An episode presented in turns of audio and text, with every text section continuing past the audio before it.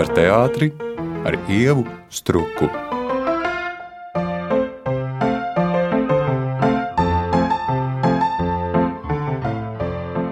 Šņurbēnī 2024 sākas ar uh, dēls teātris aktieru Artūras Krastiņa viesošanos. Sveiks, Artūr! Labdien! Kāda tev ir sajūta attiecībā pret gadu, kurš beidzas ar ciparu 4? Neraisa kādas patīkamas emocijas, domāt par septembri vai kā? Tu zini, mm, ar cipariem man nav nekādas darīšanas. Par septembri es saprotu tavu mājienu.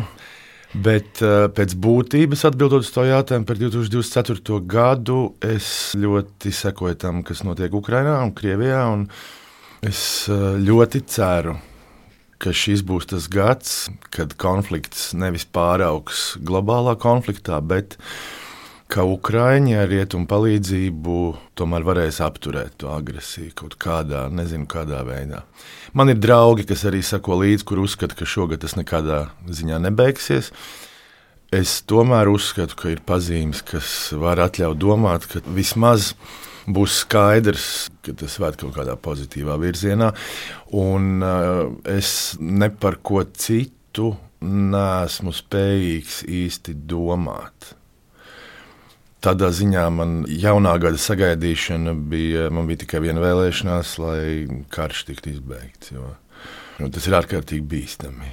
Ārkārtīgi bīstami, un es skatos saviem bērniem, uz savu ģimeni. Un, uh, nav vienkārši par to domāt. Es kopš sākās plaša mēroga iebrukums Ukrajinā 22. gadā. Es nevaru paskatīties nevienu seriālu, Netflix, nevienu filmu Jo jebkas, kas ir izdomāts, nekādā veidā nespēja kompensēt to realitāti, kas notiek tur un ko var redzēt dažādos samontētos video. Tāpēc es jebkuru izdomātu lietu, man ir ļoti liels problēmas šobrīd ar to. Bet kā tas nozīmē, ka tev teātris nekalpo kā tāds patvērums, kurā noslēpties no tā, kas notiek? Teātris kalpo kā ideja, kā kaut kāds, um, kā tu saki, patvērums bet kā ārkārtīgi liela atbildība šajā laikā runāt ar skatītāju par tām tēmām, kuras šobrīd ir aktuālas. Vai tas būtu Rotko, vai tā būtu Spīdols nakts, vai, vai Leopolds štate. Ja? Un es esmu tiešām gandarīts pēc nu, jau laikam 26 teātriem gadiem, ka teātris runā par lietām, par kurām arī es gribu runāt es varbūt būtu sākusi ar tev veltīto izrādi, bet es tad, uh, gribu mm. pieskarties Leopoldštatei. Nu, izrādes tomēr tiek iecerētas salīdzinoši laicīgi. Tas ir gandrīz tādu divu gadu darbs. Kas notiek tajā brīdī, kad saproti, ka tā realitāte dzīvē un teātrī pārklājas un ka ir trāpīts mistiskā veidā, desmitniekā? Jā, mistiskā veidā. Pirmkārt, jau Stopards, autors tāda liela talanta dramaturgs vai rakstnieks. Vispār viņš realitāti, es domāju, tver daudz intuitīvāk un kaut kā instinktu līmenī. Tad, kad teātris bija iecerējis šo darbu, un kad es to izlasīju, es biju ļoti lielā sajūsmā par šo izvēli, tieši par Stoparda lugu. Jo es esmu dzirdējis jautājumus, kāpēc par ebrejiem, kāpēc uh, Dāļas teātrī šāda luga, bet uh, tas jau nav par ebrejiem, tas ir par jebkuru dzimtu.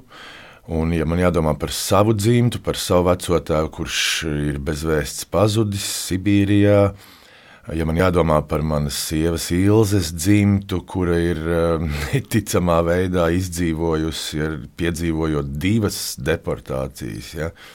Un, bet tā rēta nekad nesadzīs tad uh, jebkurš literārs darbs ir jāuztver kā līdzība, kā metāfora. Un, un Leopolds Štāte ir par uh, neticamo cilvēku spēju pielāgoties un izdzīvot. Un atbildot uz tavu jautājumu, kā tas neticamā veidā ir saslēdzies, tad Stopards jau lugā runā par to cikliskumu, ka cilvēki kāpj uz tiem pašiem grābekļiem. Man lugā ir teksts, ka ir pienācis 20. 20. gadsimts un uh, Eiropa soļos priekšu. Bet mēs zinām, kas notika pēc tam. Un tad mēs spēlējām izrādi, kad bija noticis Hamas iebrukums. Un mums ar Kārlu Arnoldu avotu, kurš atveido Ludvigu, pirmā cēlonā ir tāds dialogs par to, vai ebrejiem ir vajadzīga sava valsts. Un tur tiek pieminēta Palestīna un Britu mandāts un tā tālāk. Un zālē bija vienkārši kapa klusums, un pēkšņi šī saruna, šī tēma iegūst vēl pavisam citu jēgu, jo mēs saprotam, ka ir pienācis 21. gadsimts. Un atkal antisemītisms uh, soļo pa pasauli. Nu, tas, ir, nu, tas ir vienkārši neticami. Tā cilvēku liekulība un agresija. Un, uh, Es domāju, ka izteiciens par grābekļiem nav vietā. Tas nav neapzināti. Tas nav neapzināti.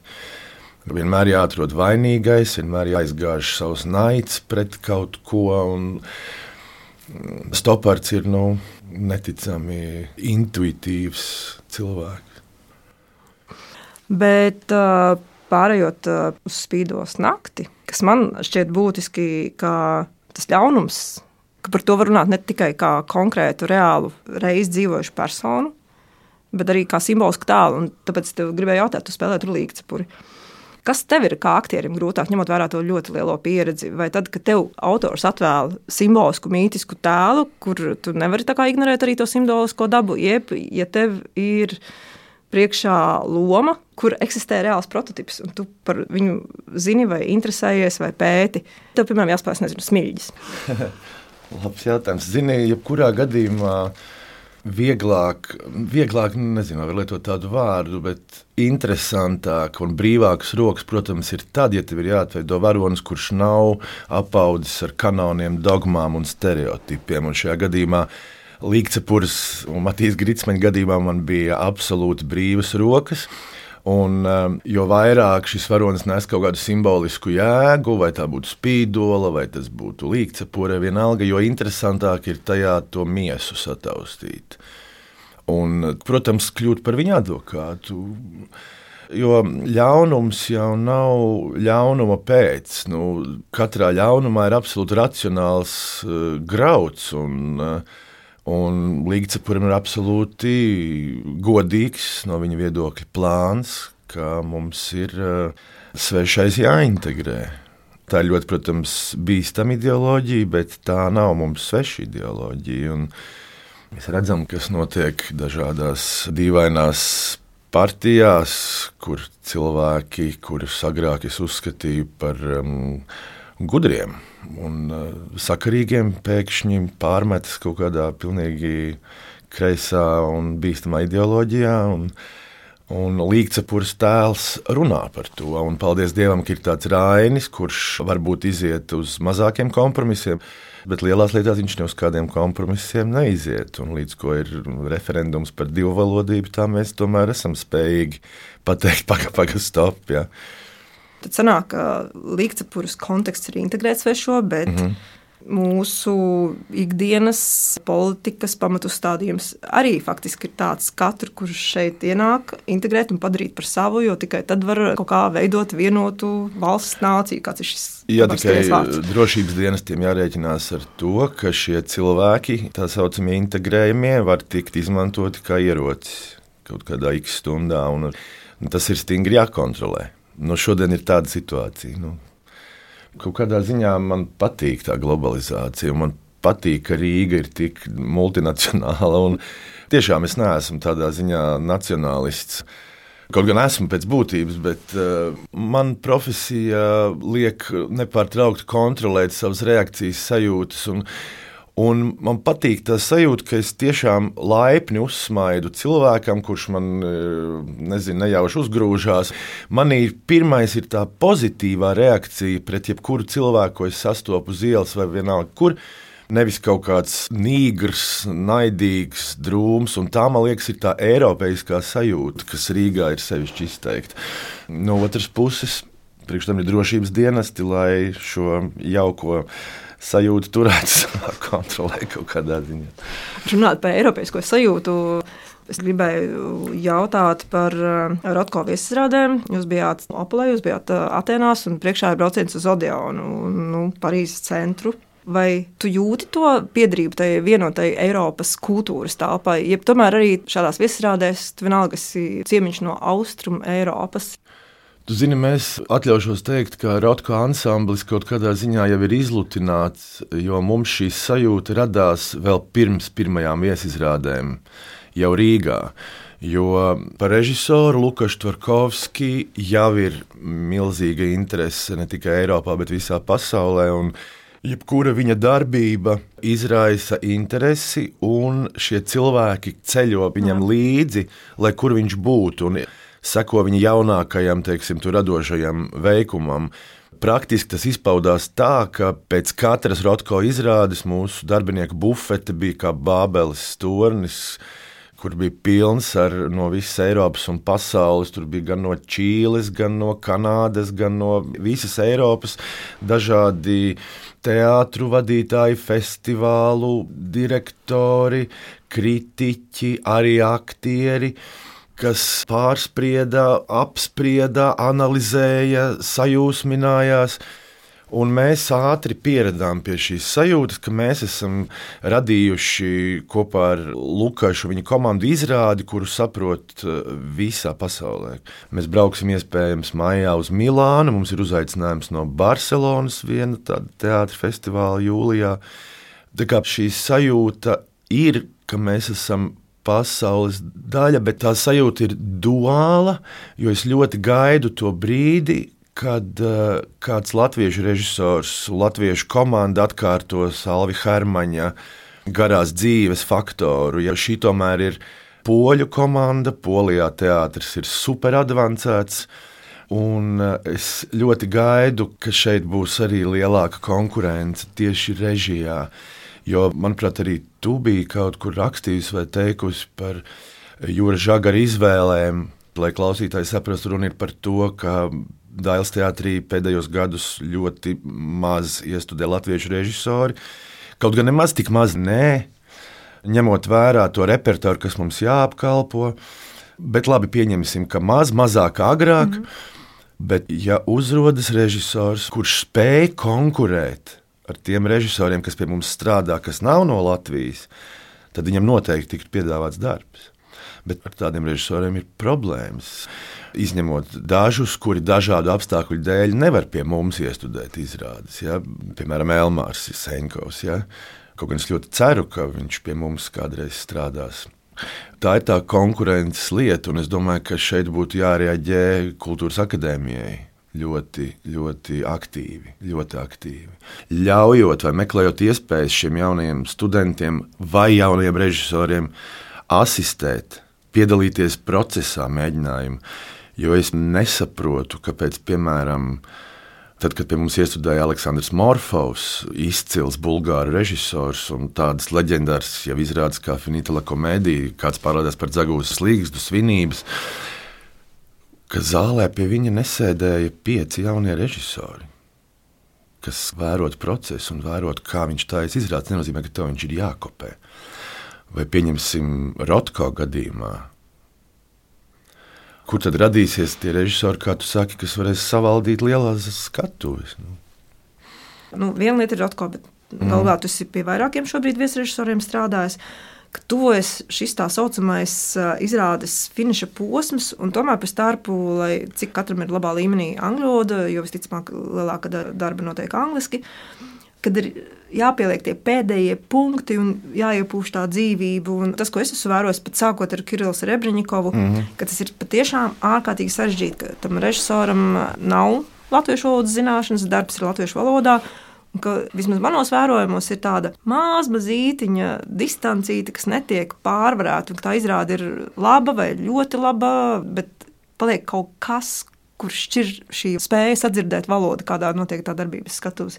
Ka režisors faktiski kaut kādām niansēm viņš nevar noķert, ka tas, ko runā un tas, ko teiksim, pārdzīvo, ka tas pilnīgi precīzi satiekas tie teksts ar, ar aktieru darbību. Mums ir bijis, starp citu, tieši otrādi, ka režisors, kurš ir angliski runājošais, viņš noķer pēc intonācijas, ka nav pareizs tulkojums. Mm. Tas bija interesanti. Bet um, ir režisori, kuri varbūt pret valodu varbūt ir mazāk prasīgi, ir varbūt kuri vairāk prasīgi, bet uh, es neesmu saskāries mm. ar situāciju, ka būtu kaut kas nesaprasts vai nepateikts līdz galam. Nē. Mums tie darbi ar ārzemju režisoriem viņi visi tomēr tādi kopdarbi. Tas nav tikai režisora diktāts un mūsu akla uzdevuma izpildīšana. Tas tomēr ir kopdarbs, jo mums kaut kā teātrī trupa ir ļoti trenēta uz dažādu, kā lai pasakā, force mažoru risināšanu, ugunsgrēku dzēšanu ja kaut kas iet ne tā, mēs momentā esam spējīgi viens otram un režisoram palikt plecu apakšā. Un, kā Rotko gadījumā mēs veicām tiešām ļoti lielu padziļinātu izpēti par tēmām, kas ir izrādē. Līdz ar to tas arī tāds kopdarbs faktiski. Tāpēc nav pieļaujama kaut kāda nesaprašana līdz galam. Nē, es nevaru iedomāties tādu situāciju.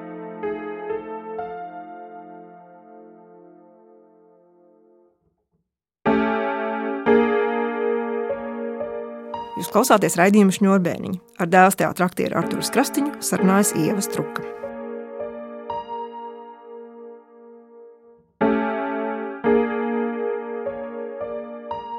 Klau, bet tomēr par izrādi Arturs Krastīņš nedrīkst būt noguris. Pirmkārt, ģenerāls nosaukums, otrkārt, kā ir Krastīņš drīkst būt noguris, bet tomēr nedrīkst būt noguris. Un tad pat pašu izrādi. Es nevaru atbildēt šo jautājumu, nepieminot izrādi, tāpēc, ka izrādi jau nav par mani. Tas ir pats galvenais. Nu, izrādi ir par jebkuru radošu mākslinieku, vai tas būtu aktieris vai dramaturgs vai vienalga ar savām mokām, šaubām. Vēlēšanos ielaist savā privātā telpā, tā pašā laikā aktīvu nevēlēšanos, ārprātīgu, mm, saprotiet, man pareizi, nepatiku pret skatuvi kur tu katru otro vakaru. Biežāk, Arstūrs, biežāk. Jā, un te pašā laikā nespēju bez tās skatuves iztikt. Un, uh, es skatījos uz Gunu Zariņu, es biju pirmizrādi, kā brīnumā. Tajā pašā laikā es redzu, pie viņas slodzes, pie visas viņas pieredzes, pie tā, ko viņa ir nospēlējusi. Un es redzu, ar kādu kaifu viņa to dara. Acīm redzot, tāpēc, ka arī priekš viņas tā ir kaut kādā ziņā izlaušanās. Un ka šī neatkarīgā spēles telpa viņai arī iedod kaut kādus spārnus kā personībai. Un tāpēc man bija ārkārtīgi interesanti. Um, es varu būt noguris, bet man ir pietiekami liela pieredze, ka tu to nekad nepamanīsi. Par to vispār nav šaubu. Tas vairāk bija tāds retorisks jautājums no aspekta, ka nogurdina nevis, ka ir ļoti daudz darba, Jā. bet nogurdina, ka zālē nav cilvēku. Un, ka tu kā strādā un tev nav tās atdeves, jo, ja ir tā enerģijas apmaiņa un viņa tiešām funkcionē, un tie nav vārdi, to tieši tas Covid laiks pierādīja. Es pateikšu vēl mm. savādāk. Nogurdina tas, ka nav gandarījuma. Protams, arī tas. Jo arī tās tukšās zāles, zini, arī to mēs pārdzīvojām. Mm. Mēs spēlējām smilģi, smilģi pirmizrādi, teātris jubilejā, simtgadē, tukšā zālē. Un, uh, pirms izrādes jokojāmies, kā lai atrod motivāciju. Stāvējām seši smilģi pirms uziešanas, un kur lai atrod motivāciju. Un tur bija kaut kas paradoxāli skaists tajā visā.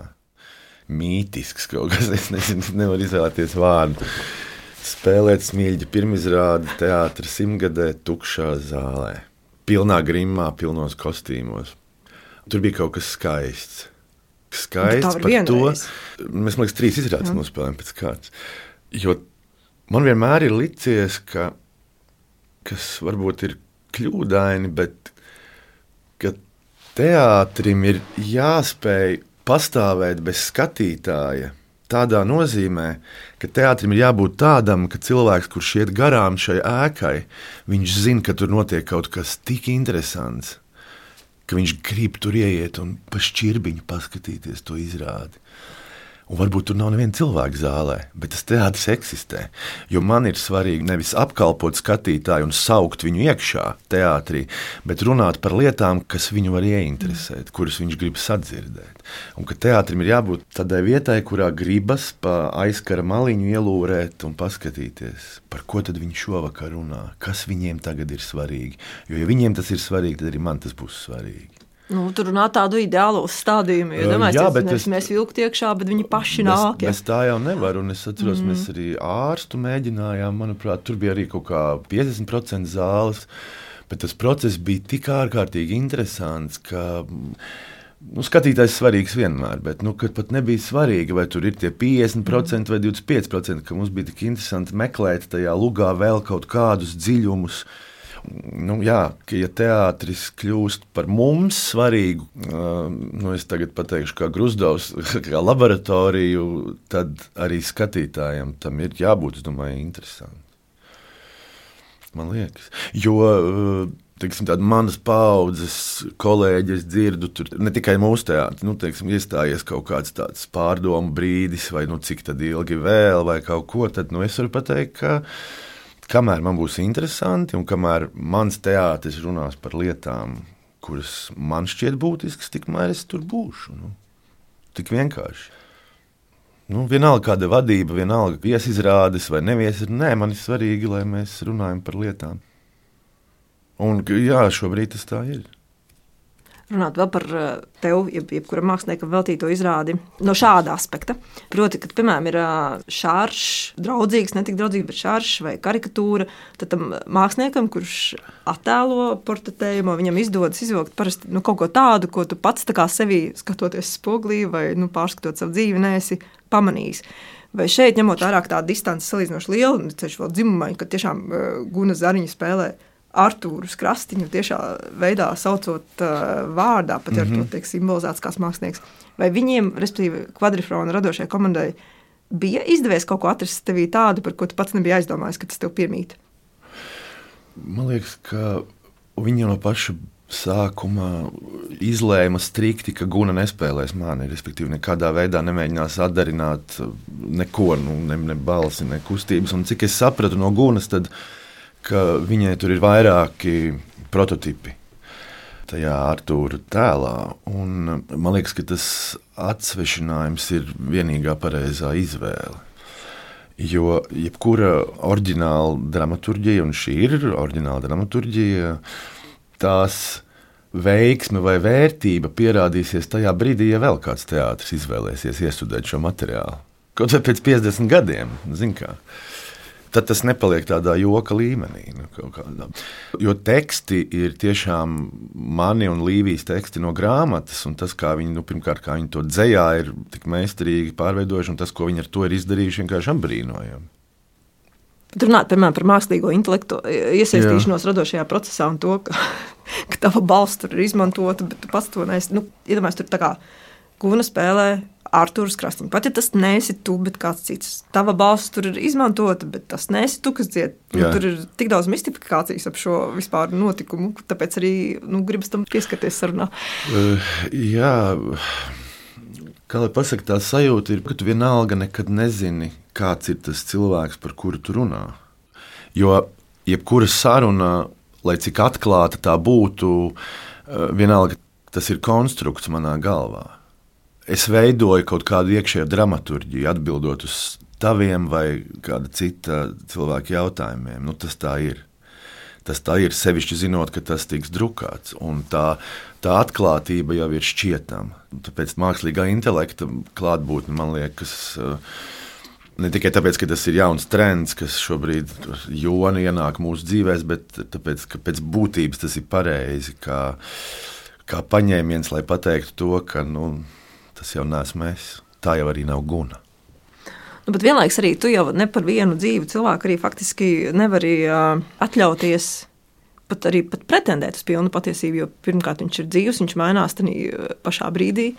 Un man liekas, nu jā, ka tā dzīve nav pabeigta nav iespējams kā, nu, pateikt, ka ir tā, nevis kaut kā citādi, tieši tādēļ, ka dzīve nav noslēgusies, par ko arī klasiķi raksta. Uh, Bet smilģa dzīve ir noslēgusies, un jūs to atveidojot, zinat, ka nekas nemainīsies. Nu, kādu jūs viņu sajūtat vai redzat, tāda viņa ir, pat ja tie ir seši smilģi. Kur ir tā atšķirība šai gadījumā, kad spēlē teiksim, nezinu, personāžu, kurš eksistē? Pat ja viņš tomēr sev nepielaiž klāt, nu, visticamāk, tiešām arī Līvijai nebija lēmts tev piekļūt, un tu pats sev nepiekļūsti vienmēr. Un es esmu savs noslēpums. Un blakus ir smilģis, nu, droši vien vēl kādu mēs varētu piesaukt lombi, lai paliek tas pats smilģis. kura mūžs ir noslēdzies, par kuru ir tik daudz runāts, ir leģendas. Un varbūt jebkas, ko tu šodien izlemi par viņu pateikt, arī ir tā patiesība, jo tas mūžs ir pabeigts. Viņš vairs nevar noslēpties, viņš vairs nevar mainīties. Nu, pirmkārt, mēs nepretendējām, ja tu runā par izrādes mīļģis, jā, nu, jā, jā, cik es saprotu. Jā. Uh, Mēs nepretendējām izstāstīt reāli biogrāfisku stāstu par smilģi. Tas vairāk bija stāsts par demiurgu, kurš jebkurā savas dzīves situācijā rada. Un tāpēc šīs um, ievas Jurijānas um, izcilā scenogrāfija ar tām mājiņām ir arī stāsts par to, ka visu izrādi smilģis, šie seši smilģi, šo izrādi un savu dzīvi mūsu acu priekšā rada. Tas ir par kaut kādu pasaules radīšanas vilkli, ka viņš no jebkuras situācijas, viņš pirmkārt ir režisors, viņš ir demiurgs, viņš ir, viņš ir dievs. Viņš jebkurā dzīves situācijā rada no šīs situācijas, viņš rada kaut kādu dimensiju. Tāpēc uh, vai viņš tur uh, dzēra, vai tur tās sievietes, vai tur kas tas viss nav svarīgi. Svarīgi ir tas, ka viņš, viņš ir pasaules radītājs un teātris radītājs. Un par to ir šī izrāde. Jo tās tēmas ir tik um, apžņembātas, izrunātas, izsāpētas kaut vai par sadarbību ar padomju vāru, nu, ka tas nav būtiski. Mēs taču zinām, nu, vai tiešām šodien kādam ir jautājums, vai smilģis tur kolaborēja vai nē. Nu kā, nu, šodien tas pats notiek Krievijā. Ja tu gribi vadīt savu teātri, nu, tad pūt Putins tabulē. Nu. Nu, Smīļģis tāpat, un šī izrāde nepretendē atbildēt uz jautājumu, vai viņš sadarbojās ar padomu varu vai nē. Tas bija mm. viens no faktiem, ar ko viņam nācās dzīvē saskarties. Bet pirmkārt, viņš bija režisors un radītājs. Un tas ir daudz būtiskāk par sievietēm, alkoholu un padomu varu. Nu, es jau tā nevaru neko iebilst ar tādu apgalvojumu.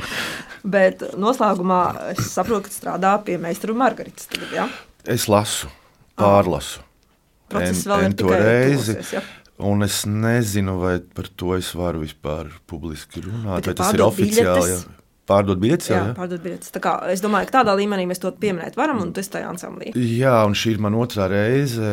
Pēters Krilovs iesudēja kursa darbu. Uh, Un mans meistars Margarita kaut kā nu, tuvu pa ķērienam ir vienmēr visu dzīvi stāvējis, un tagad būs iespēja mesties jaunā piedzīvojumā ar Igaunu režisoru, bet lomas vēl nav sadalītas. Mēs sākam janvāra beigās. Nu, kas no tā viss iznāks, nu, tas, ir, tas ir eh, interesanti. Jo man liekas, ka šādā piedzīvojumā var mesties vienu reizi dzīvē. Lai tā būtu, bet tie, kas zina, ka tu studēji pie Pētera Krilova un kas ir sakojuši līdz tavām gaitām, tad man jājautā, kas tu biji toreiz, tad, kad Pēters Krilovs taisīja. Mestrā Margaritā? Jā.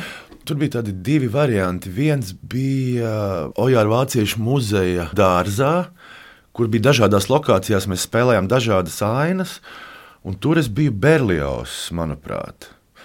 Tur bija tādi fragmenti, Un tad bija otrs variants, kur mēs mēģinājām zirgu pastā, jo mēs viņu vedām uz Franciju. Tur es biju Poncijas Pilāts. Es biju gan Berlioz, gan Poncijas Pilāts, un Regnārs arī bija Poncijas Pilāts. Mēs dublējāmies. Tur bija tāds salikums. Jā, es atceros, ka Keišs nesa manu galvu ballē. Nogriezt to galvu. Tā tad es biju Berlioz, acīm redzot, un es kliedzu fraternitē, egalitē. Jā. Es domāju, šo sauklu brīvība, brālība un kas tur vienlīdzība. Ja? Jā. Mēs varētu arī beigt, bet nu, es tev novēlu skaistu 2024. gadu, un lai piepildās pavisam nopietni tas, ar ko mēs sākām šo sarunu. Proti, lai mums tiešām mierīgas debesis mums un Ukrainai. Lai izdodas.